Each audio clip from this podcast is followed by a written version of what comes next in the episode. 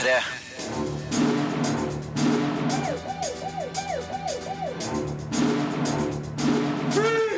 Filmpolitiet! What's your name, dude? Birger Vestmo. What kind of stupid name is that?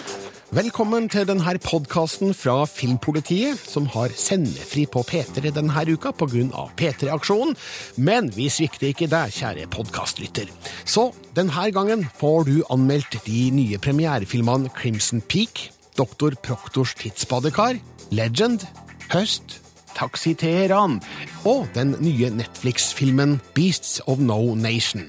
Du får òg høre sistnevnte films regissør, Carrie Georgie Fukunaga, fortelle hvorfor det tok han ti år å lage Beasts of No Nation, og i tillegg får du et lite møte med filmens hovedrolleinnehaver, Abraham Atta. Filmpolitiet anmelder film.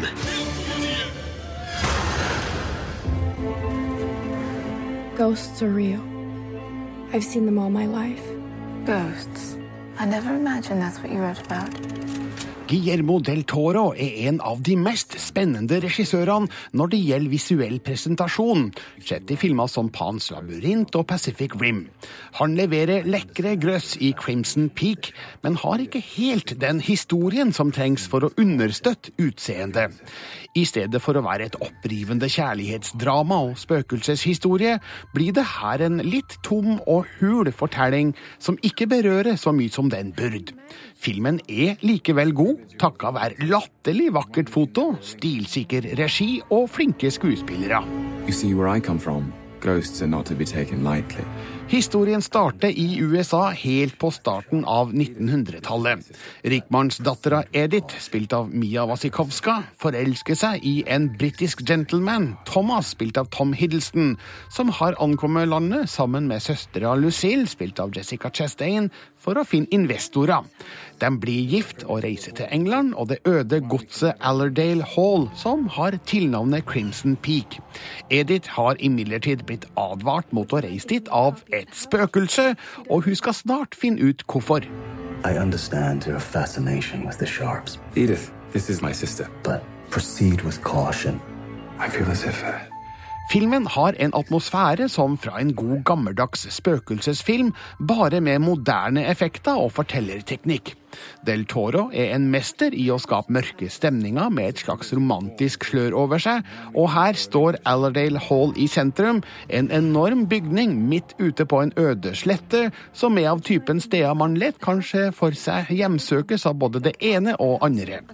Rommene, trappene, korridorene og alt som skjer i dem, er imponerende flott filma av danske Dan Lausten, for øvrig fotograf på den kommende norske filmen Løvekvinnen. There are secrets everywhere. Mia Wasikowska er overbevisende som sterk, men sårbar og litt for godtroende heltinne. Tom Hiddleston god som mørk sjarmør med hemmeligheter, og Jessica Chastain iskald som slu og skruppelløs søster. Det hemmelige spillet mellom dem er kanskje litt for lett å lese, og avsløringene som kommer i løpet av filmen er ikke særlig overraskende, bortsett fra for Wasikowskas figur. the house as old as this one becomes, in time, a living thing. Crimson Peak må berømmes for være usedvanlig vakkert filma, med stemningsskapende kontraster mellom lys og skygge, en sterk fargepalett og behagelig fravær av 3D. Guillermo del Toro gjør fremdeles en mesterlig jobb med alt det visuelle, bare en litt svak historie gjør at Crimson Peak må rangeres under hans beste filmer. Men det her er så avgjort verdt et kinobesøk, spesielt om du elsker spøkelseshistorier. What do you want? Terningkast fire. Filmpolitiet anmelder film. Ja, jeg har kort og godt satt meg fast i tiden, tiden, tiden. Hva? Det er poststempel i 1969. Jeg må ha hjelp. Til Paris! Du vet at promp er gøy. Alle vet det. Derfor har òg doktor Proktors tidsbadekar innslag av enerens prompepulver. Men den har òg tidssåpe, og gjør at eventyret utvides i både tid og rom. Regissør Arild Frølich har laga nok en morsom og energisk barnefilm med fargerike figurer, fine effekter og passe rampete handling. Den mangler voksne undertoner som kun hever kvaliteten for et eldre publikum, men treffer målgruppa si godt. Victor har laget et tidsbadekar som gjør at man kan reise tilbake i tid. Lise, spilt av Emily Gleister, og Bulle, spilt av Eilif Hellum Noraker, mottar et gammelt postkort fra doktor Proktor, spilt av Gard Eidsvoll. Han har reist tilbake i tid, men står nå fast i 1969. Hvorfor barna får kortet først nå, er ikke godt å si, men la oss ikke henge oss opp i det. Saken er at de må reise etter han med mer tidssåpe, men som vi alle vet, kan tidsreiser by på så mange problemer, og snart må de enda lenger tilbake i tid og møte både Napoleon og Jeanne d'Arc. Tips før reisen. Alt i historien skjer jo til samme tid. Og hele tiden. Om og om igjen. Det her er selvsagt ikke første gang vi ser en film der tidsreisende endrer historien. Det er lett å dra paralleller til både Tilbake til fremtiden, Bill and Teds Excellent Adventure og for den del Brødrene Dal og Spektralsteinene. Doktor Proktors tidsbadekar tilfører ikke noen spesielle nye elementer til sjangeren, men tar i bruk de velkjente triksene, og gjør det med frisk historiefortelling med en gjennomgående lystig innstilling. Frølich og co. greier til og med å referere til Scarface og brenne en antatt heks på bålet, uten at det formørker filmen nevneverdig.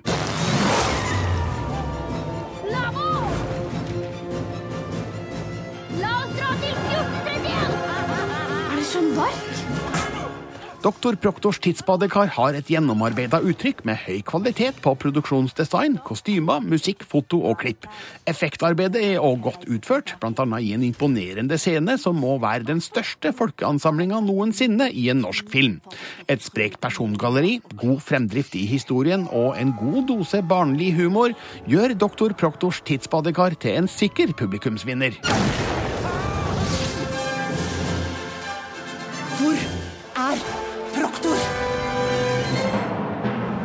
Terningkast fire. Premierefilmen Legend blir anmeldt av Sigurd Vik. Filmpolitiet anmelder film. Your brother is violent, paranoid schizophrenic. What I'm trying to tell you is that he's off his rocker. Wow, no, no, no, no, no, no, no. Tom Hardy er tidvis glimrende når han spiller begge hovedrollene som tvillingbrødrene Reggie og Ron Cray i Legend. Filmen er basert på den virkelige historien om Cray-brødrenes virke som sjefsgangstere i Londons underverden på 60-tallet. Og Hardy er kul som de to knallharde gatekjemperne fra østkanten, men filmen klarer ikke helt å bestemme seg for om den vil vise fram mennene eller forsterke mytene om Cray-brødrene. Spesielt den utagerende Ron Cray blir en fengende, men veldig karikert figur som legger seg tett opp til hardtslående typer kjent fra Guy Ritchies gangsterkomedier. Det bryter litt med filmens øvrige tone, og gjør at Legend aldri klarer å skape et helhetlig fiksjonsunivers. London is going to be the Las Vegas of Europe. We need someone to front and someone to muscle.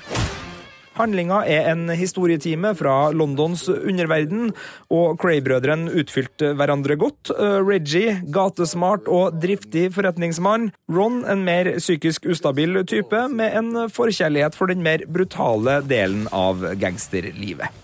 De har Londons østkant som kjerneområde, og driver i beskyttelse- og nattklubbbransjen. Det gir en god del penger og masse respekt, men mye vil ha mer, og fanden vil ha flere. Og når noen heldige arrestasjoner åpner dørene opp for flere bydeler, så klatrer brødrene effektivt oppover i systemet, noe som selvfølgelig gir flere konkurrenter og enda mer politi. Vi følger også tvillingene sitt kjærlighetsliv. Reggies kjære Frances, som stadig drømmer om et lovlydig liv. Og homofile Ron, som kombinerer soverom og forretninger på flere plan. I salute. Come to Philadelphia. Is she a nice girl? We'll get her for you. I prefer boys. Italians. Sometimes Greek, but I am not prejudiced. you got some balls to admit that, kid. Utstrakt bruk av fortellerstemme på lydsporet er et risikabelt valg i film, og i Legend så fungerer det dårlig. Til dels så klarer ikke filmen å vise det voiceoveren forteller, og det ødelegger også en av filmens sterkeste scener totalt. akkurat idet stemninga er på sitt mest såre, så kommer en helt overflødig røst inn for å hjelpe oss i tolkninga. Tom Hardy sitt samspill med seg sjøl fungerer godt. Han får fint fram eh, tvillingene sitt sterke bånd, og konfliktene som oppstår fordi de er så avhengige av hverandre at alle andre bånd blir en trussel. Det visuelle i denne dobbeltrollen løses også veldig pent ved hjelp av noen ekstra kropper og det jeg vil anta er en god porsjon digitalt etterarbeid, så får Hardy både banka seg sjøl og dobla opp for å gi andre juling. Det beste samspillet har Hardy likevel i selskap med Emily Browning, som spiller Frances. Jeg har spesielt stor sand for Ron Cray sine møter med kjæresten til broren. De to ser hverandre på en helt spesiell måte og treffer en tone jeg gjerne skulle ha sett filmen hadde utforska mer.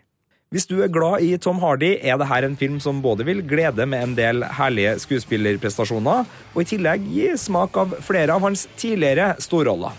Og sjøl om historien om Cray-brødrene blir litt fragmentert i denne versjonen, så byr Legend på god underholdning til historieinteresserte gangsterfilmfans. What is that? I come here for a proper shootout. A shootout, right? It's a shootout! Terningkast fire. Det var Sigurd Vik som anmeldte premierefilmen Legend. Filmpolitiet anmelder film. Vi er forvist til skammekroken. Jan Vardøen viser med sin andre film på to år at han absolutt har noe å gjøre som regissør. 'Høst' er en nydelig liten film om store ting. Det er en avslappende og stemningsfull skildring av et uvanlig bekjentskap, med Oslo som et nesten uventa vakkert bakteppe. Historien beveger seg etter hvert farlig nært en tematikk som kan være vanskelig å ta fullt på alvor, og har visse elementer som ikke sitter helt, men sterke prestasjoner av Helge Jordal og Ingeborg Sundrehagen Raustøl i hovedrollene gjør at Vardøens film dug så det hell. Hva drikker du for noe? Whisky. Siden du har sett meg på TV, kanskje du rive i en sånn til meg òg? Fordi du har vært på TV? Ja. Ingvild, spilt av Ingeborg Sundrehagen Raustøl, jobber på Nationaltheatret, der hun må kaste ut skuespillerveteran Jeppe Friele, spilt av Helge Jordal, som er full og høyrøsta i salen. Seinere hjelper hun han hjem til hans egen bolig, der hun sovner på en sofa. Morgenen etter ser hun en helt annen side av Friele, nemlig en danna, kultivert og elskverdig gentleman. Det utvikler seg et uventa vennskapsforhold, og kanskje noe mer? Jeg, jeg bare overnatta borte, rett og slett.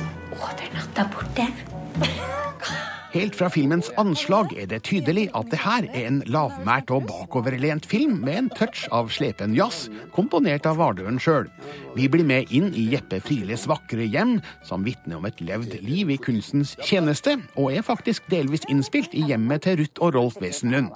Historien har det ikke veldig travelt med å fortelles, men det er besnærende å være vitne til hvordan to ulike mennesker dras mot hverandre, til tross for en betydelig aldersforskjell. Men var hun jenta?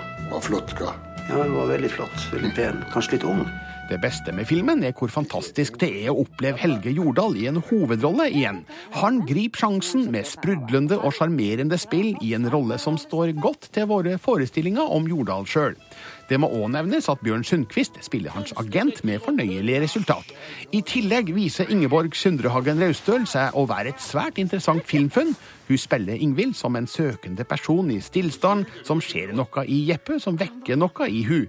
Raustøl spiller avmålt og finstemt med en naturlig og behagelig fremtoning. Ja, det er deg. Mammaen min, som er en skikkelig fan av deg. Fan? Hun liker deg, da. Å, fan har jeg vel aldri sagt før. Filmens siste del har elementer som skurrer med den flotte starten, og det er ikke fritt for at øynene himler litt over utviklinga, uten at det skal kommenteres nærmere her.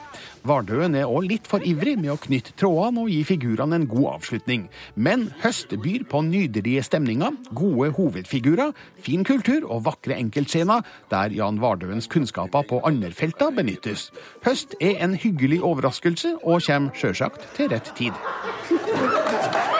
Terningkast fire. Filmpolitiet anmelder film.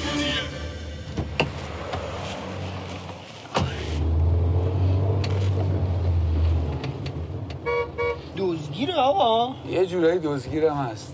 ظاهرش معلوم خیلی چیز خفن و کار درستی باشه.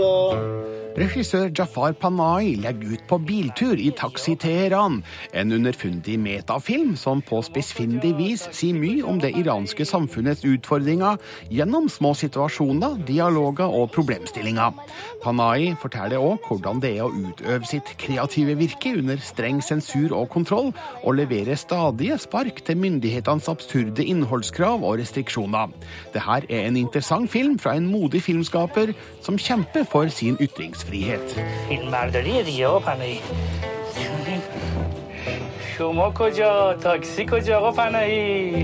Filmen starter med en lang kamerakjøring nedover en travel gate. Vi forstår at vi er i en taxi av gulfargen på panseret. Sjåføren plukker opp et par passasjerer som er fremmede for hverandre, men begynner snart en diskusjon om sharialov og rett, med en overraskende utgang. Først litt seinere får vi avslørt hvem som kjører, og det viser seg å være Jafar Padai sjøl.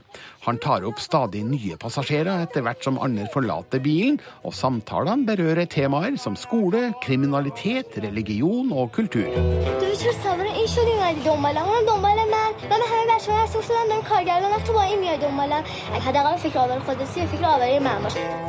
Taxi Teheran beveger seg i et metafilmatisk univers, der sekvensene åpenbart er iscenesatte, men gir seg ut for å være dokumentariske. Dette er et velfungerende grep som gjør at Panai kan fortelle en planlagt og skrevet historie, men knytte den tettere opp til virkeligheten. Stereotypen på en taxisjåfør er gjerne en snakkesalig bedreviter, men Panai er stort sett en lyttende part og lar passasjerene ytre sine, skråstrek hans, meninger om diverse samfunnsforhold i Iran.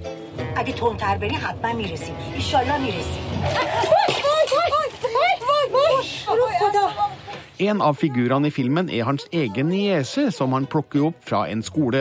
Hun har i oppgave å lage en kortfilm, og lister opp alle kravene som iranske myndigheter stiller til en film for at den skal bli godkjent som såkalt distribuerbar.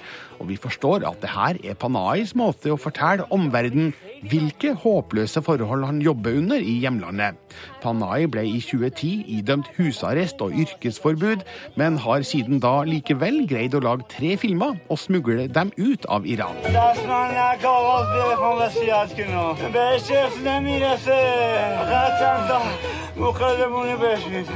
'Taxi Teheran' er en klok, spenstig og uhyre viktig film. For alt som tar lett på ytringsfriheten, viser Panay oss her ett av alternativene. Gjennom de små historiene tegnes et større bilde av et samfunn som tynges av religion, gamle holdninger og undertrykkelse. Filmen vant Gullbjørn i Berlin i februar, og bør sees av alle som mener at ytringsfrihet er oppskrytt. اینجا رو واسه آدم زندون می‌کنن نزدیکترین دوستات و بدترین دشمنات می‌کنن به نظرم بیخیالش شد. Terningkast fem. Filmpolitiet anmelder film.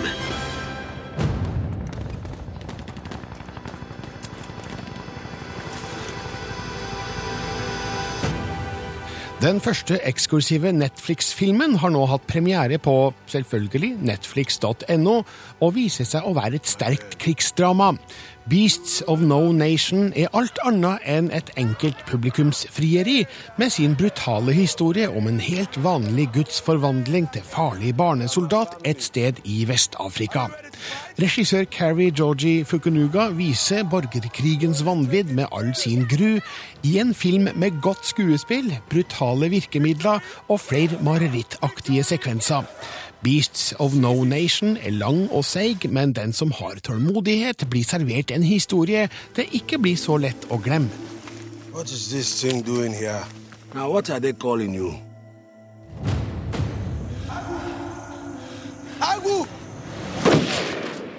Filmen er basert på en roman av den nigerianske forfatteren Udonima Iveala, og vi møter Agu, spilt av Abraham Atta, som bor sammen med familien sin i en landsby i et ikke navngitt afrikansk land. Når opprørere invaderer området, må Agu flykte alene ut i bushen. Der blir han tatt hånd om av en geriljaleder som kaller seg Kommandanten, spilt av Idris Elba. Agu blir tatt inn i troppen, bestående av unge gutter og menn, og blir gradvis forma til å bli en lydig soldat som gjør hva som helst for sin leder. I saved your life. I saved your life. I saved your life. Go! Beasts of No Nation er filma i Ghana, og miljøskildringa er troverdig. Landskapet er vilt og uhåndterlig, på samme måte som krigstilstanden er det. Her møter vi en gruppe mennesker som har mista noe av sin menneskelighet. Det her formidles effektivt gjennom Agus forvandling i historien, godt spilt av unge Abraham Atta. Filmen gjør at man kan forstå hvorfor fenomenet med barnesoldater oppstår. De er enklere å programmere for skruppelløse krigsherrer som kommandanten er et godt eksempel på. All of you that have seen your family killed. You now have something that stands for you. It has put the weapons of this war back in the hands of you, the young, the powerful. I'm a good follower, sir. Idris Elba er filmens eneste stjernenavn, og fremstiller kommandanten som en farlig jævel som fører krig for sin egen skyld og ingen andres. Det vekkes lite sympati for han, ikke minst pga. en litt bortgjemt scene som indikerer at han misbruker sine barnesoldater seksuelt. Elba spiller skummelt godt, som vi vet han kan, og er totalt overbevisende i en iskald og uberegnelig rolle. Regissør Carrie Georgie Fukunuga viser oss volden i all sin gru, men holder igjen det aller verste. Massehenrettelser vises fra avstand, machetehugg tildeles utafor kamera. Det er ikke nødvendig å vise alt. Det eneste som trekker litt ned, er at filmen føles veldig lang. To timer og et kvarter er lenge å oppholde seg i det her universet, som man helst vil komme seg ut av så fort som mulig. Men historien som fortelles er kruttsterk, og heldigvis skinner det et lite håp om en bedre fremtid gjennom galskapen. I will always protect you because you are my son. Det her er altså den første filmen Netflix distribuerer eksklusivt på sin strømmetjeneste. Det er et interessant valg som signaliserer at de vil bli tatt på alvor som en seriøs aktør innen film, akkurat som de har blitt innen serier. Beasts of No Nation er en hard og vanskelig film å se, men noen ganger må man bare tåle det. Det her er en slik anledning. Are you ready to fight? Only taking the brave. Yes, sir! Victory! Yes, sir! Victory! Yes, sir! Seize Yes, sir! Terningkast fem. Regissøren av Beasts of No Nation er altså Keri Georgie Fukunaga, kjent for filmene Sin Nombre, Jane Eyre og ikke minst TV-serien True Detective, som han hadde regien på. Nå er han Netflix-aktuell da, med Beasts of No Nation. NRKs London-korrespondent Espen Aas møtte Fukunaga og hovedrolleinnehaver Abraham Atta i London, og da kunne regissøren fortelle at han har brukt ti år på å realisere denne filmen. Uh, well, I would have made it 10 years ago uh, had we uh, been able to, but um, that effort got thwarted by uh, other similar child soldier movies that had come out and didn't perform as well. And uh, not critically, but just in terms of the financial side of it. So I think the studio I was working with got cold feet. We ended up pulling out of there. And took a while to find uh, a company that would make it that was sort of brave enough to, to finance what would seem like an unfinanceable subject matter. So it took about 10 years. Um, but it's a subject that I've, that I've been passionate about for about 15 plus years as a political science major in uni. And how do you feel inside now? Inside now that it's done, I'm just eager for as many people to see it as possible. That's why, uh, uh, I mean, the critical response has been amazing, but um, it's, uh, it's really now that apprehension of seeing who tunes in, you know, when it goes public. Moving on to you and your character, how on earth did you get into that mind or the character? Uh, I read a script to understand the script, and I was having some results with Carrie and my acting coach. So I was like, I was listening to Carrie's director directing, so it was somehow easy for me to do it. But did you kind of transform into this other person, or how did you do it? I don't know. I don't know if I transform or not. And what impact did it have? I mean, it's, it's quite a tough uh, film and some, some rather. What, what about the day where you had to kill that guy for the first time? Like, remember like when the camera was like right in your face? Yeah. Like, what were you thinking about there? That it was like because what King Kong do, you, um, one of the boys used them. Striker's name's King um, Kong. The rubber so to hit them, and so it was like funny. Everybody was laughing, so it was somehow difficult for me to stop laughing to be in character. So really, he, that fierceness was him trying not to laugh. Apparently. Interesting. um, how did you keep the balance between like the disturbing scenes and the human side of it all? Uh, that's that's a tough thing because I think the way anyone sort of um, uh, takes in the violence they're watching is it's it's whether it's too much for somebody is person to person. Um, I remember when I made Sin Nombre, after all my research and writing and then and then uh, making of the film and then editing it and seeing it over and over again, I'd forgotten that the film was violent. And and the first 20, 30 minutes, a lot of terrible things happen. And I didn't see it publicly uh, until it screened at Eccles at Sundance. And it, it was the first time I actually felt uh, the energy of a room. And I don't mean that in like any sort of like new agey way. I mean, you literally, you, people, especially when you watch a movie in the cinema, are all sharing in some way the, sh- the same emotion and, it, and it's somehow magnified. So that was the first time I became aware of, of trying to uh, balance out those sorts of things in a story. And so for Beast, it was very important that I um, um, try to walk that line. Sometimes prime the audience for violence, and then later on, when you'd expect it, actually not show it. And the challenge, I mean, this is obviously a fictional film based on a book, but it feels kind of like a documentary at times as well. Is that a good thing for a director or a bad thing? Uh, if it feels like a documentary in terms of it feeling very real, uh, then of course that's a great thing. Yeah, the I think my main goal, apart obviously from the the vision, executing the vision, is to prevent anyone from uh, falling out of that suspension of disbelief.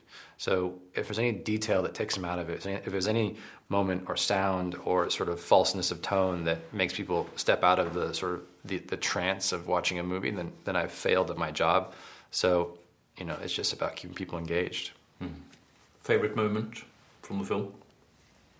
Your favorite moment, your best moment from the film? Oh, one of the scenes when the jungle coming out to kill the people in the village, and I was like the commander telling them to come out from the bush. I think he was so tired of me telling what to do that he liked to tell someone else what to do. Regissør Carrie Georgie Fukunaga og hovedrolleinnehaver Abraham Atta ble intervjua av Espen Aas i London, og Beasts of No Nation er altså nå klar for strømming på Netflix. Filmpolitiet med Birger Vestmo. På P3. Og så, som en liten bonus, har jeg henta fram en anmeldelse fra Arkivet i anledning av at San Andreas denne uka kom ut på Blu-ray, DVD og strømming. Filmpolitiet anmelder film. I cannot emphasize this enough. You need to get out. Jeg kan godt like en god katastrofefilm i ny og ne, og San Andreas har flere lange og tøffe effektscener der det går hardt utover både Los Angeles og San Francisco. Dwayne Johnson vekker dessverre mer overbærende latter enn beundring i den sentrale helterollen, og historien mangler fullstendig sjølironisk distanse til begivenhetene. San Andreas er nøye kalkulert og imponerer visuelt, men er ganske råtten på historiefortelling og figurskildring. Jump to a 7.1! Jesus, Kim, get the hell out of there! California utsettes for ekstreme jordskjelv langs hele San Andreas-forkastninga, forutsett og forklart av Caltech-professor Lawrence, spilt av Paul Giamatti. Ray Gaines, spilt av Dwayne Johnson, er helikopterpilot i LAs brann- og redningstjeneste, og skal egentlig ut på oppdrag, men lar jobb være jobb, og legger ut på en farlig reise for å redde sine egne, nemlig hans snart fraskilte kone Emma, spilt av Carla Gugino, i Los Angeles, og deres datter Blake, spilt av Alexandra Daddario i San Francisco. Get down! Get down! Take cover! Sjølsagt burde Dwayne Johnsons heltefigur spørre seg om det er moralsk riktig å bruke skattebetalernes helikopter til hva han vil, men når han bråkjekt annonserer 'Let's go and save our daughter', er det bare å innse at det her er en refleksjon uten plass i denne filmen. Regissør Brad Payton forsøker faktisk å skape mellommenneskelig drama for å få oss til å bry oss om figurene, men det er et halvhjerta og ganske mislykka forsøk. Man trenger ikke tørke en eneste tåre for de mange tusen som dør i denne filmen. San Andreas er en effektbonanza der alle dialogdrevne scener kun er transportetapper til neste katastrofe, som kommer med svært jevne mellomrom. Man kan faktisk stille klokka etter dem. Det kan sjølsagt sette spørsmålstegn ved om det her er riktig kritikk av en katastrofefilm. Kommer man for å se spektakulær ødeleggelse, innfrir filmen til gangs. Bakken slår sprekker, skyskrapere velter, digitale mennesker dør i hopetall, og så kan du jo gjette om Golden Gate-brua er like hel ved filmens slutt. Det visuelle er imponerende og storslått. San Andreas kunne vært en fantastisk katastrofefilm om det hadde vært gjort like bra arbeid med historien som med effektene. Men San Andreas forsøker ikke å være katastrofefilmens Citizen Kane. Fokuset er på ødeleggelse i stor skala, der bare Dwayne Johnsons biceps kan overskygge effektene. San Andreas kommer aldri til å huskes for mellommenneskelig drama, men jordskjelveffektene er i det minste rystende gode. Terningkast tre. Les mer om film, spill og serier på p3.no Filmpolitiet. Og denne uka er altså San Andreas ut på Blu-ray, DVD og strømmetjenester. Det var det jeg hadde å by på i denne utgaven av Filmpolitiets podkast. Tusen takk for nedlasting og lytting, og vi høres igjen i neste uke.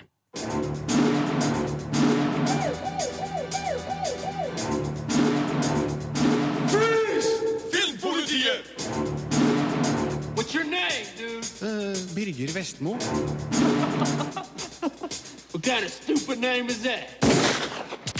Hør flere podkaster på nrk.no podkast. P3.